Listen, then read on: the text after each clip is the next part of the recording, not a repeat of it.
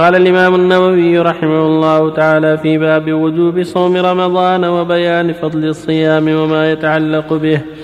وعن سهل بن سعد رضي الله عنه عن النبي صلى الله عليه وسلم قال إن في الجنة بابا يقال له الريان يدخل منه الصائمون يوم القيامة لا يدخل منه أحد غيرهم يقال أين الصائمون؟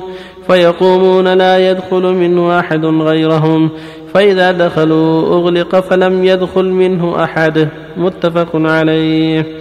وعن أبي سعيد الخدري رضي الله عنه قال قال رسول الله صلى الله عليه وسلم ما من عبد يصوم يوما في سبيل الله إلا باعد الله بذلك اليوم وجهه عن النار سبعين خريفا. متفق عليه. وعن أبي هريرة رضي الله عنه عن النبي صلى الله عليه وسلم قال من صام رمضان إيمانا واحتسابا غفر له ما تقدم من ذنبه متفق عليه. بالله التوفيق صلى الله عليه وسلم وصلى الله وسلم على رسول الله وعلى آله وأصحابه ومن اهتدى به أما بعد هذه الأحاديث الثلاثة كلها تتعلق بالصيام. الصيام قربة عظيمة وعبادة لها شأنها في تكفير السيئات وحط الخطايا. ولهذا يقول عليه الصلاة والسلام من صام رمضان إيمانا واحتسابا غفر له ما تقدم من ذنبه. ويقول صلى الله عليه وسلم إن في الجنة بابا يقال له الريان. لا يدخل منه إلا الصائمون. فإذا دخلوا أغلق. وتقدم حديث قوله صلى الله عليه وسلم من أنفق زوجين من مال دعي من أبواب الجنة الثمانية. يدخل من أيها شاء. زوجين من مال صدق بها أنفقها في سبيل الله. هذا فيه الحث على النفقة والإحسان. والزوجان يشمل درهمين دينارين صاعين قميصين إلى غير ذلك. في الحث على النفقة والإحسان. وأن الله جل وعلا يدخل للعبد ثواب هذا العمل ويضاعفه له أضعافا كثيرة. حتى يخير في دخول الجنة من أي أبوابها شاء يعني مع الاستقامة مع طاعة الله ورسوله. هذه النفقة يعني مع الاستقامة على دين الله والبعد عن المعاصي والمخالفات.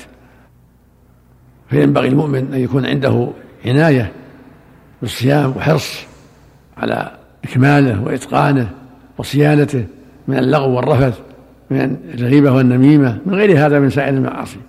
حتى يكون صياما له شأنه وله فضله وله مضاعفته.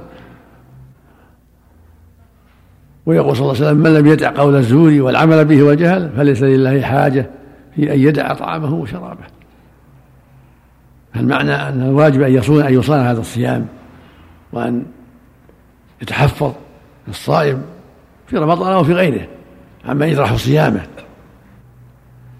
المعاصي تجرح الصيام والطاعات تسبب مضاعفة الأجر ومزيد الحسنات. ويقول صلى الله عليه وسلم من صام يوما في سبيل الله باعد الله وجه الناس سبعين خريفا. هذا فضل الصيام وأنه من أسباب البعد من النار.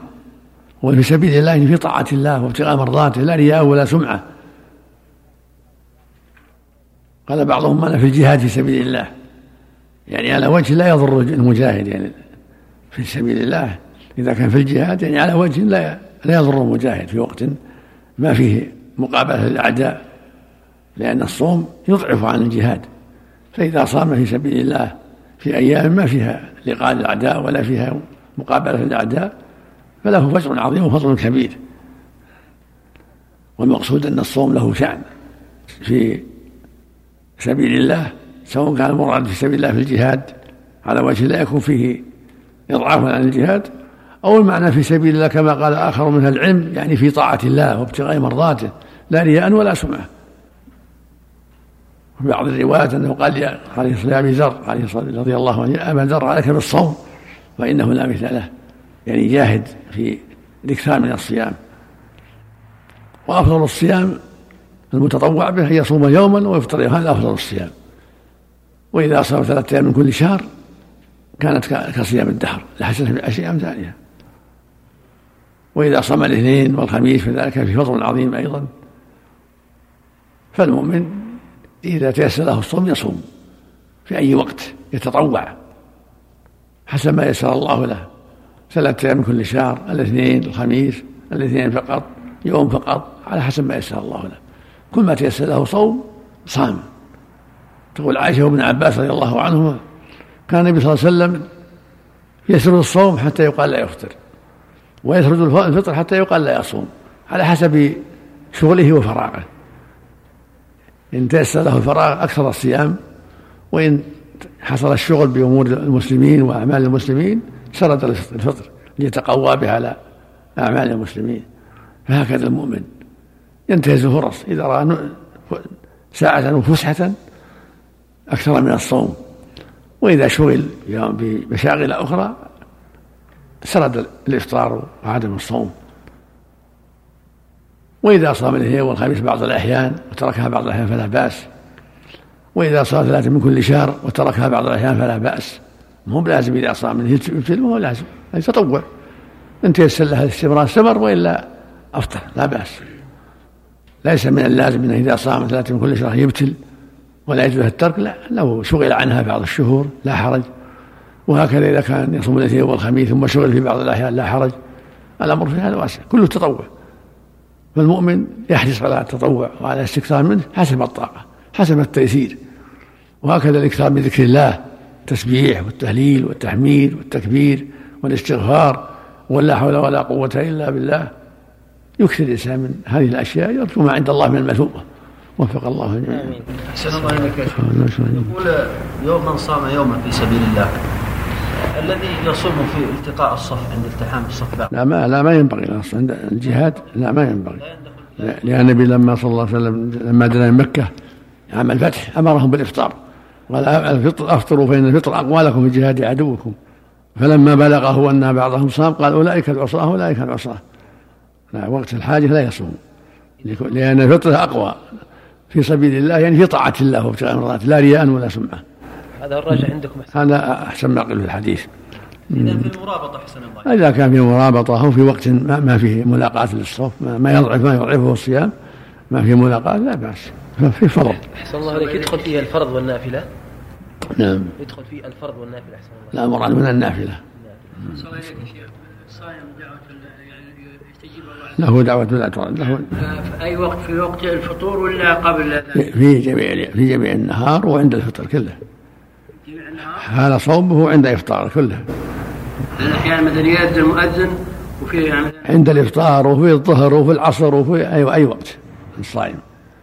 الصائم له دعوة مستجابة. حال صومه وعند إفطاره جميعا.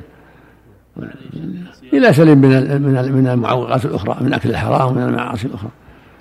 لأن القبول له معوقات أيضا من الذنوب والمعاصي وأكل الربا وأكل الحرام. نسأل الله السلامة. معنى شيخ صيام ثلاثة أيام من الدهر كصيام الدهر ثلاثة أيام من كل شهر. فيها فضل نعم الحسنة بعشر من ذلك كل يوم عن عشرة.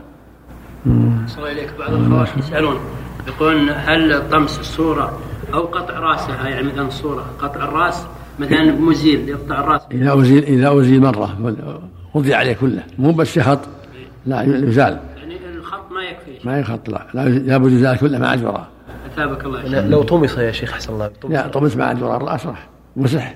نعم مسح. أحسن الله. عليك. هل اشترط الرسول صلى الله عليه وسلم على علي بن أبي طالب رضي الله عنه عدم الزواج على ابنته فاطمة؟ النبي صلى الله عليه وسلم لما أراد يتزوج أنكر ذلك عليه. قال إنها يؤذيني ما يؤذيها. اللهم صل عليه هذا خاص خاص بفاطمة. سبب السؤال الصديق هل على من دعي من جميع الابواب من ضروره السؤال هل استبعاد انه يدعى الرجل من جميع الابواب يعني سبب السؤال الصديق النبي يعني يسأل يستفهم هل يدعى منها هذه كلها؟ قال النبي نعم وإني لا أرجو أن تكون منها